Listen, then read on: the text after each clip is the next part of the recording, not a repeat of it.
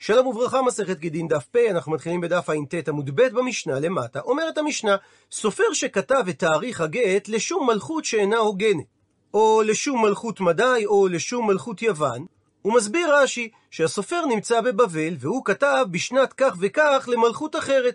והכוונה למלכות רומי, והגמרא תפרש מדוע לא נוקטים בשמה. או שבמקום לכתוב לשם מלכות בבל, הוא כתב לשם מלכות מדי, או לשום מלכות יוון, או שהוא בכלל לא כתב לשם המלכות, אלא כתב את מניין השנים לבניין הבית, דהיינו בית המקדש, או לחורבן הבית. וכן אם היה הסופר בעיר שנמצאת במזרח, והוא כתב שהוא נמצא במערב, או לחילופין, שהוא נמצא בעיר שנמצאת במערב, והוא כתב שהוא נמצא בעיר שנמצאת במזרח. בכל המקרים הללו הגט פסול. ואם הלכה אישה ונישאה בגט הזה לבעל שני, הדין שהיא תצא מזה ומזה, והיא צריכה גט מזה ומזה. שלמרות שקידושי השני לא היו קידושין, בכל זאת אמרו חכמים שהיא תצא גם מהבעל הראשון וגם מהבעל השני, והיא צריכה לקבל גט שני מן הבעל הראשון, שהרי הגט הראשון היה פסול, ולקבל גט גם מהשני. למרות שבעצם לא הייתה נשואה לו, על פי מה שאומרת הגמרא ביבמות, גזרה שמא יאמרו אנשים שהראשון גירש אותה בגט גמור ונשא אותה השני, ואם היא תצא ממנו בלא גט, אז נמצאת אשת איש יוצא בלא גט. ומביאה עכשיו המשנה רשימה של קנסות שחכמים כנסו את האישה, מפני שהיה לה להקריא את הגט לאדם שמבין בגיטין, והיא לא עשתה את זה. ואין לה זכות לתבוע משני הבעלים, לא כתובה שתקנו חכמים 200 זוז לבתולה ו-100 זוז לגרושה או לאלמנה, ולא פירות שתקנו חכמים שהבעל מתחייב לפדות אותה מהשבי תמורת אכילת הפירות מנכסיה, ואם היא תיפול בשבי, אין הבעלים חייבים לפדות אותה. ולא מזונות, שאם היא לוותה כסף עבור מזונותיה, הבעל פטור מלשלם את החוב. ולא בלעות, שהבעל לא צריך להחזיר לה בגדים שהכניסה לו בשעה שהתחתנה ובלו, ואין לה את התביעה לא על זה הבעל הראשון ולא על זה הבעל השני, ואם היא נטלה מזה או מזה תשלום עבור אחד מהחובות שהוזכרו, תחזיר. והוולד שנולד לה לאחר שהתחתנה עם השני, ממזר מזה ומזה. זאת אומרת שגם אם החזרה הראשון והיא ילדה לו בן, הוא נחשב מחזר מדרבנן. והגמרא ביבמות אומרת שאותו ילד יהיה אסור בממזרת, הואיל והוא יהודי כשר מן התורה. ואם הבעלים הם כהנים, ולא זה וזה מטמאין לה במידה והיא מתה. שכהן נטמא לשבעת הקרובים, ובכללם אשתו הכשרה. ומצד שני, ולא זה וזה, דהיינו אף אחד מהבעלים אינם זכאים לא במציאתה, שתקנו חכמים שבעל יהיה זכאי במציאת אשתו כדי שלא יהיה ביניהם איבה, וגם לא במעשה ידיה ולא בהפרת נדריה. ואם היא הייתה בת ישראל, היא נפסלת מן הכהונה, מפני שהיא מוגדרת כזונה, כי סתם זונה זו אשת איש שמזנה תחת בעלה לאחרים. הפכנו דף, ואם היא הייתה בת לוי, כנסו את החכמים שהיא נפסלת מן המעשר שמגיע ללוי. ואם היא הייתה בת כהן, היא גם נפסלה מן התרומה. ואין יורשים של זה ויורשים של זה יורשים כתובתה.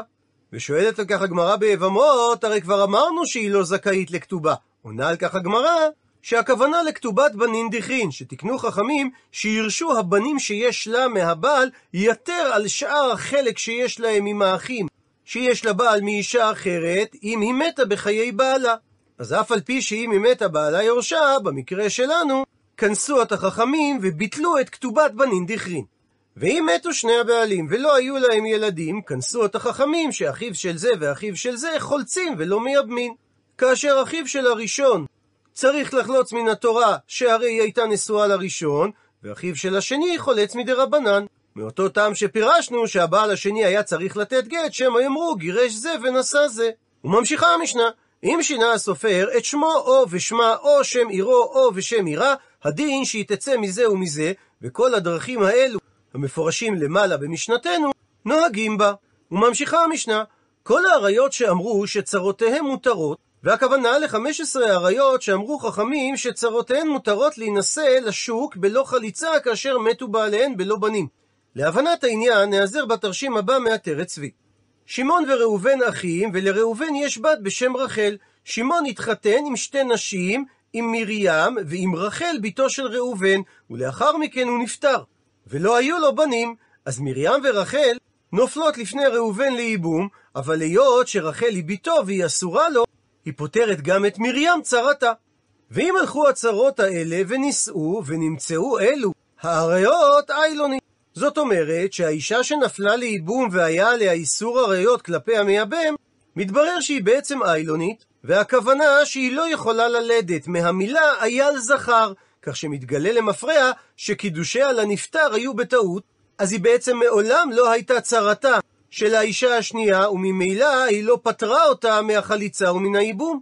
גם פה הדין דומה למקרים הקודמים, שתצא האישה שהלכה ונישאה לשוק מזה ומזה. דהיינו, מהבעל שהיא נישאה לו, והיא גם מן היבם, וכל הדרכים האלו שמנינו למעלה נוהגות בה. וכנסו את החכמים בגלל שהיה עליה להמתין ולבדוק היטב שצרתה לא איילונית. וממשיכה המשנה, הכונסת יבימתו, והלכה צרתה ונישאת לאחר, ונמצאת זו שהיבם כנס אותה, שהייתה איילונית, אז תצא צרתה שנישאה לאחר מזה ומזה, גם מהאחר, והיא גם לא יכולה לחזור ליבם, וכל הדרכים האלו שמנינו למעלה נוהגות בה. ומעיר רש"י שבהכרח צריך לומר שמשנתנו היא כדעת רבי עקיבא, שאמר שיש דין ממזר גם בחייבי לוין. שהרי אחת הדרכים שמנינו, שנוהגות באותה אישה שהוולד ממזר מזה ומזה. ובזה שהיא נישאה לאחר, היא עברה על איסור לאו, שלא תהיה אשת המת החוצה לאיש זר. ואם אנחנו אומרים שנוהג בה גם הדין של הוולד ממזר, זה בהכרח כשיטת רבי עקיבא, שיש ממזר מחי ולוין. וממשיכה המשנה, אם כתב הסופר גט לאיש ושובר לאישה. דהיינו שהוא כתב גט לאיש כדי שיגרש בו את אשתו, ושובר לאשתו כדי שהיא תמסור לבעל שהוא יפרע לה את כתובתה, שיהיה לו קבלה שאכן הוא פרה. וטעה הסופר, ונתן את הגט לאישה ואת השובר לאיש, והם נתנו זה לזה את מה שבידיהם, זאת אומרת שהבעל לא נתן לאישה גט. והלכה זו ונישאת, מפני שהיא הייתה סבורה שאכן בעלה מסר לה גט. ולאחר זמן הם גילו שכנראה היה בלבול בשטרות, שהרי הגט יוצא מיד האיש והשובר יוצא מיד האישה. גם במקרה כזה הדין, שהיא תצא מזה ומזה, וכל הדרכים האלו ששמינו נוהגות בה. רבי אלעזר חולק ואומר, שאם לאלתר יצא הגט מתחת יד הבעל, אז אכן מסתבר לומר שהסופר החליף להם בטעות את הגט והשובר, ולכן אין זה גט.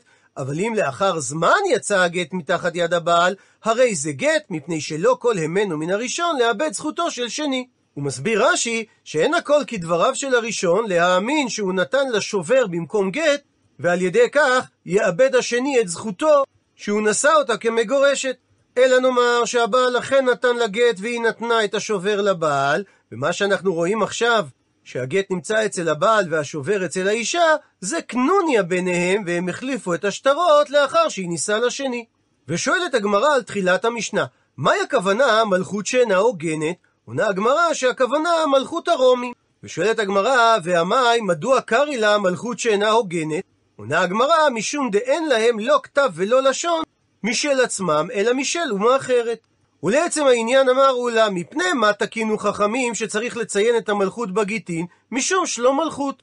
מסביר רש"י, שיהיה לנו שלום עמהם, שיאמרו חשובים אנו ביניהם שהם כותבים את שטרותיהם בשמנו. מקשה על כך הגמרא, ומשום שלום מלכות תצא האישה מהבעל השני והוולד ממנו ממזר? והלא מדובר על תקנת חכמים, הרי מדאורייתא הגט כשר.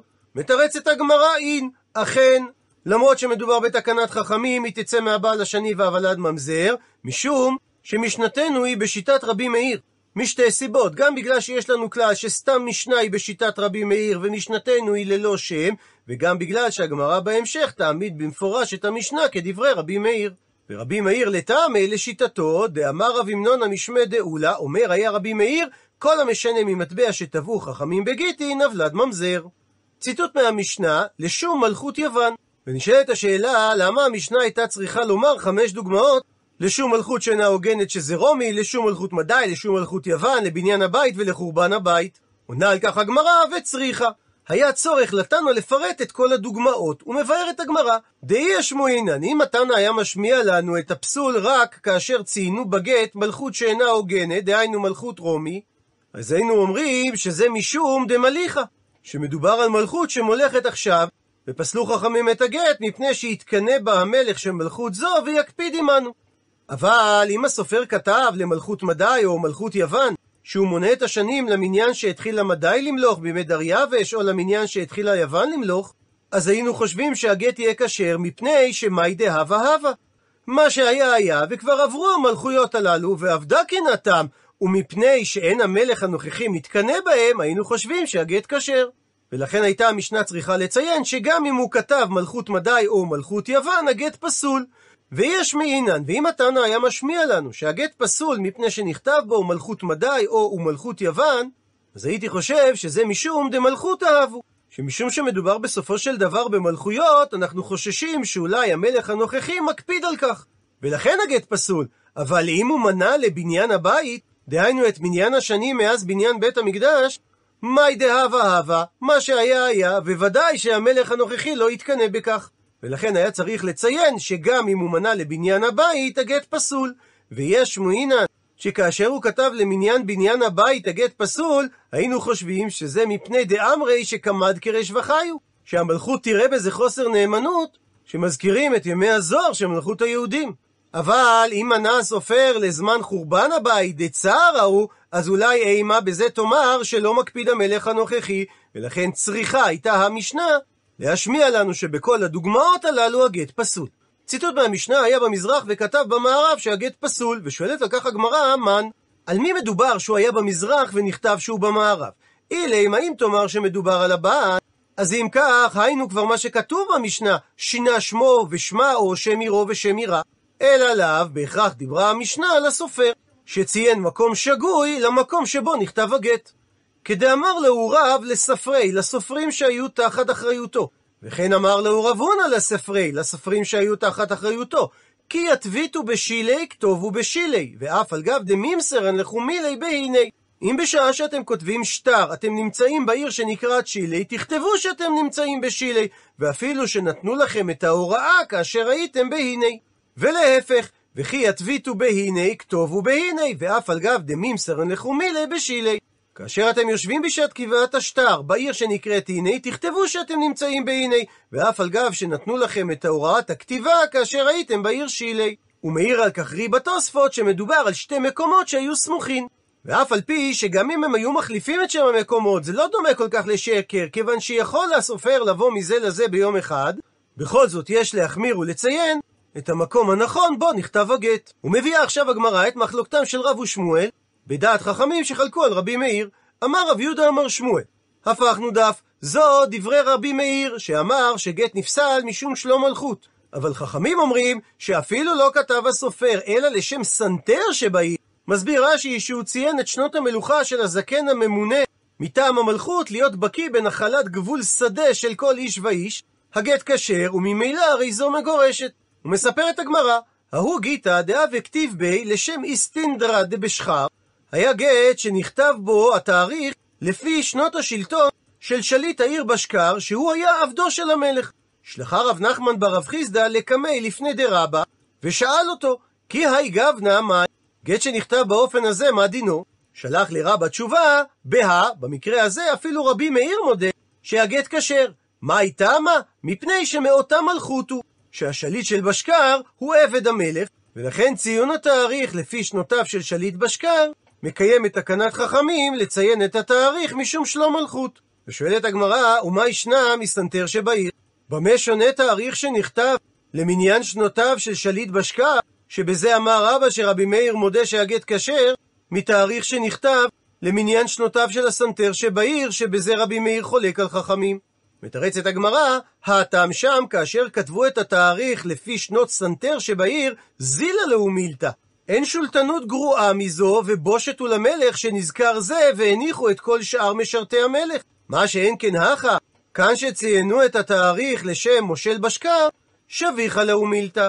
זה מהווה שבח למלך, לפי שבהיררכיה השלטונית, השולטן של בשחר נחשב חשוב.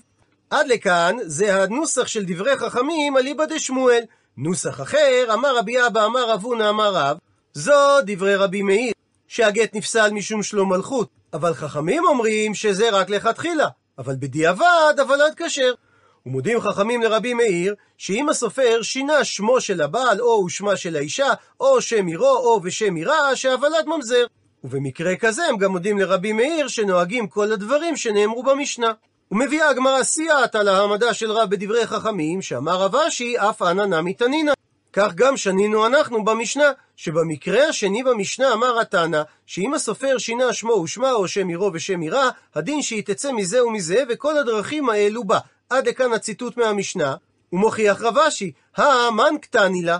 איזה תנא שנה את החלק הזה במשנה? אילם, האם תאמר שזה רבי מאיר, אז ליערבינו ולתנינו. מדוע הוא שנה את החלק הזה בנפרד מהמקרה הראשון? הוא היה צריך לערב ולשנות את הפסול הזה יחד עם הרישא של המשנה, שהרי זה אותו סוג של פסול. אלא שמע מינה שמי ששנה את החלק הזה במשנה זה רבנן, וממילא שמע מינה שחכמים חלקו על רבי מאיר שהוולד כשר, אבל הודו לו בדין של שינה שמו ושמה, שם עירו ושם עירה. ציטוט מהמשנה, כל הראיות שאמרו, והמשיכה המשנה ואמרה שאם הם נישאו לשוק, בחזקת שהן פטורות מייבום, ואחר כך התברר שהן כן חייבות בייבום בגלל שהאישה שפטרה אותם הייתה איילונית, נוהגים בה כל הדברים שנאמרו ברישא. ומביאה עכשיו הגמרא שתי גרסאות בהבנת דברי המשנה. גרסה ראשונה, ניתן לדייק שדווקא אם נישאו אין, אכן הן נאסרות ליבם, אבל אם הם לא נישאו אלא זינו, הן לא נאסרות ליבם. הוא מסביר רש"י, מפני שנישאו יותר חמור מזינו, שמא יאמרו הבריות שהיבם חלץ לה והיא נישאה, ואז הוא חזר לכנוס אותה משנתגרשה. ואם כך, הוא בעצם נושא את חלוצתו, והדבר אסור, שמי שלא ייבם ולא בנה את בית אחיו המת, הוא באיסור לא יבנה. ושואלת הגמרא, למה תהיה וטיובתא דרב אמנונה? אולי יש מפה דחייה חזקה לדברי רב אמנונה, דאמר רב אמנונה ששומרת יבם שזינתה אסורה ליבמה, מפני שרב אמנונה הבין שזיקת הייבום היא כמו קשר הנישואין בין איש לאשתו, והיא אסורה על היבם כדין אישה שזינתה תחת בעלה. דוחה הגמרא שהדיוק לא מוכרח, מפני שמה שנאמר במשנה נישאו, והוא הדין לזינו, שבשני המקרים היא אסורה על היבם, והי דקטני, והסיבה שכתבה המשנה דווקא נישאו, מפני שלישנא מעליה נקט. התנא העדיף לנקוט לשון נקייה. איכא דאמרי, יש אומרים גרסה שנייה לדיוק מהמשנה, שהמשנה אמרה נישאו, והוא הדין לזינו, שבשני המקרים היא אסורה על היבם. ואם כך, לימה מסיילה לרב אמנונה? האם יש מכאן הוכחה לדברי רב אמנונה, דאמר רב אמנונה, שומרת יבם שזינתה אסורה ליבמה? דוחה הגמרא שהדיוק לא מוכרח, כי ניתן לומר שהמשנה אמרה נישאו בדווקא, שרק במקרה כזה היא תהיה אסורה על היבם, משום דמיכלפא באישה שהלך בעלה למדינת הים. ובאו ואמרו לה מת בעלך, ובעקבות כך היא נישאת, ואז התגלה שבעלה בעצם בחיים, ואוסרים עליה לחזור לבעלה הראשון, אף על פי שבאונס היא נישאה לאדם אחר, משום שמא יאמרו, גירש הראשון את האישה, ונשא השני, ואז חזר הראשון והחזירה לאחר גירושי שני. ואנשים יטעו לומר שמותר לאדם להחזיר גרושתו משנישאת. אז כך גם במקרה שלפנינו, שמא יאמרו, חלץ לה הראשון ונשא אותה השני, וגירש אותה והחזיר אותה הראשון. אבל החשש הזה לא קיים במקרה שהיא זינתה, מפני שלנישואין יש פרסום, ולזנות אין פרסום כל כך גדול. וגם אם ידעו שהיא זינתה, לא יחשדו שזה בגלל שהוא חלץ לה, ואז יבואו להתבלבל עם אישה שהלך בעלה למדינת הים. אלא יותר מסתבר לומר שיחשבו שזה בגלל שהיא פרוצה. ציטוט מהמשנה, הכונסת יבים טוב וכולי. ונשאלת השאלה, מדוע המשנה אומרת את המקרה הנוכחי, והיא בעצם חוזרת על אותו עיקרון שהיא אמרה במקרה הקודם? עונה הגמרא וצריכה, היה צורך למשנה לומר את שני המקרים. דיה שמועינן באח קמייתא. אם המשנה הייתה משמיעה לנו רק את הדין הראשון, אז הייתי אומר, משום דלא יקיים מצוות ייבום. שהרי בגלל הערווה נישאת הצרה לשוק, שהרי נפטרה מייבום, ולכן כאשר מתגלה למפרע שקידושי הערווה היו בעצם בטלים, אז יוצא שהיא לא הייתה בכלל צרת ערווה. ולכן מובן מדוע כנסו אותה חכמים, משום שהיא לא המתינה, והיא אסרה את עצמה ליבם. אבל אחא, כאן במקרה השני, דיקיים מצוות ייבום, שהיבם כנס את יבימתו, ורק אחר כך הלכה הצרה וניסה לשוק, אימה לא. אז אולי נאמר שלא שייך לקנוס אותה, שהיות והתקיימה מצוות הייבום, היא לא חשבה שהיא צריכה להמתין. ולכן הייתה המשנה צריכה להשמיע לנו את המקרה השני. מצד שני, ויש מעינא נחה, אם המשנה הייתה משמיעה לנו רק את המקרה השני, אז הייתי אומר, זה משום דקרמיה קמי. ששתיהן נפלו תחילה להתייבם כאחת לפני היבם, וכשנתייבמה האחת קודם שתביא שתי שערות, כך שעדיין לא ידוע אם היא לא איילונית, היה לה לצרתה להמתין עד שתראה שיהיו ייבומי חברתה כשרים. שכיוון שגם היא נפלה לפניו לייבום, היא צריכה לצאת מידי זיקתו בייבומין ודאין. אבל הטעם שם במקרה הראשון, דלא רמיה קמי, שצרתה באיסור ערווה על היבם, אז מתחילת נפילתן, הייתה הצרה הזו סבורה שהיא לא נופלת לפניו לייבום, שהרי הערווה מוציאתה מידי זיקתו, ולכן היא לא העלתה על דעתה שהיא צריכה להמתין שמא תימצא הערווה איילונית. אז אם כך, אימה לא. אז אולי לא נקנוס אותה מלהתייבם או מליטול כתובתה, שהרי היא אנוסה בדבר. לכן צריכה המשנה הייתה להשמיע לנו גם את המקרה הראשון. ציטוט מהמשנה, כתב הסופר וטעה ונתן גט לאישה ושובר לאיש וכולי, רבי אלעזר חולק ואומר אם לאלתר יצא וכולי, ושואלת הגמרא על דברי רבי אלעזר, איך ידע מלאלתר ואיך ידע מלאחר זמן? מה הגדר של לאלתר שמאמינים לבעל הראשון, ומה הגדר של לאחר זמן, שאז כבר לא מאמינים לבעל הראשון? מביאה על כך הגמרא מחלוקת המוראים. דעה ראשונה, אמר רב יהודה אמר שמואל, כל זמן שיושבים ועסוקים באותו עניין, זהו מה שנקרא לאלתר, וכאשר עמדו, והם כבר לא עסוקים באותו עניין, דהיינו בדברי גירושה, זהו מה שנקרא לאחר זמן. דעה שנייה, ורבד בר אהבה אמר, שלא מדובר על הגדרת זמן, אלא על שינוי סטטוס. אם היא עדיין לא נישאת, זהו מה שנקרא לאלתר, ואם היא נישאת, זהו מה שנקרא לאחר זמן. מקשה הגמרא על דברי רב יהודה אמר שמואל, תנן, הרי שנינו במשנה שלנו, לא כל הימינו מן הראשון לאבד זכותו של שני. עד לכאן הציטוט מהמשנה, ושואלת הגמרא, בישלמה לרבד בר אהבה, נוח לי להבין את דברי המשנה לפי הסברו של רבד בר אהבה, שהגדיר את לאחר זמן כשינוי סטטוס שהיא נישאת כבר, היינו דקטני שני. אז ברור מדוע אמרה המשנה שלא מקבלים את דברי הבעל הראשון, מפני שהוא לא יכול לאבד את זכותו של השני. אלא לשמואל שהסביר שלאחר זמן זה כאשר הם עמדו והפסיקו להתעסק בדברי גירושיה, מאי שני. למה התכוונה המשנה כאשר היא אמרה לאבד זכותו של שני? והרי לפי שמואל לאחר זמן זה גם כאשר היא עדיין לא התחתנה עם אדם אחר. הפכנו דף, מתרצת הגמרא ששמואל יסביר את דברי המשנה שמדובר על זכות הראויה לשני. שמהרגע שהיא יצתה לפני העדים בחזקת מגורשת, הרי היא זכתה להינשא לשני, ואין הבעל הראשון יכול לערער על כשרות הגט. עד לכאן דף פ, למעוניינים בהרחבה, הסביר רש"י שהטעם שתיקנו חכמים לכתוב את מניין השטרות של המלכות המקומית משום שלום מלכות, שיהיה לנו שלום עמהם שיאמרו חשובים אנו ביניהם, שכותבים שטרותיהם בשמנו. עניין הנאמנות לשלטון היה הכרחי להישרדותם של היהודים בגלות. אבל כאשר התחילה תנועת הרפורמה, קבלת זהות לאומית חדשה כצרפתי, גרמני או אנגלי בן דת משה, הקשתה על היהודי את ההכרה שהוא נתון בגלות. וזה גרם שהתפילה לגאולה שלמה בארץ ישראל נראתה ליהודים מודרניים חדשים כמתן תמיכה להאשמות האנטישמיות בדבר אי נאמנותם של היהודים למדינה. השינויים בסדרי הפולחן ובעיקרי האמונה של יהדות הרפורמה נעשו במכוון כדי להשיג שני דברים. אחד, להתגבר על הדיסוננס הקוגניטיבי שבין האמונות שזיהו את היהודי בעבר לבין אלו שבהם מחזיקים יהודי ההווה, ושתיים, להדוף את טענות האנטישמיות בדבר נאמנות כפולה. אבל כפי שהעידה ההיסטוריה, ודאי בתקופת השואה, הדבר הזה לא עזר. להלן עדות מתוך משפט אייכמן. פרשה מזעזעת הייתה הוצאתו להורג של אחד העצורים. קראו לו באוכביץ' והוא היה מהעיר שטטן שבגרמניה. הוא היה אחראי על קבוצת יהודים שעבדו מחוץ למחנה. כאשר ברח אחד מהם, נטל על עצמו את האחריות, ולא הודיע על כך, פן יהרגו עשרה איש תחת הבורח. כאשר נודע הדבר, החליטו לתלותו, ואז העלה היהודי בקשה האחרונה. הייתי קצין גרמני במלחמת העולם הראשונה, ולחמתי ליד ורדן. מכל הבטליון שלי, דהיינו המחלקה, נשארו רק אחדים, ואני קיבלתי את צלב הברזל מדרגה ראשונה. אז בתור איש צבא אני מבקש שיראו בי ולא יתלו אותי. השיבו הנאצי, לדידי אתה יהודי מסריח ויתלו אותך. בעלות באוכביץ' לגרדום, הוא ביקש להשמיע כמה מילים באוזני היהודים. נולדתי יהודי, ומה שאני זוכר מיהדותי הן כמה מילים מתפילה אחת. אלוקי אברהם, יצחק ויעקב. אני מת כיהודי, ומבקש אתכם יהודים, אמרו קדיש אחריי.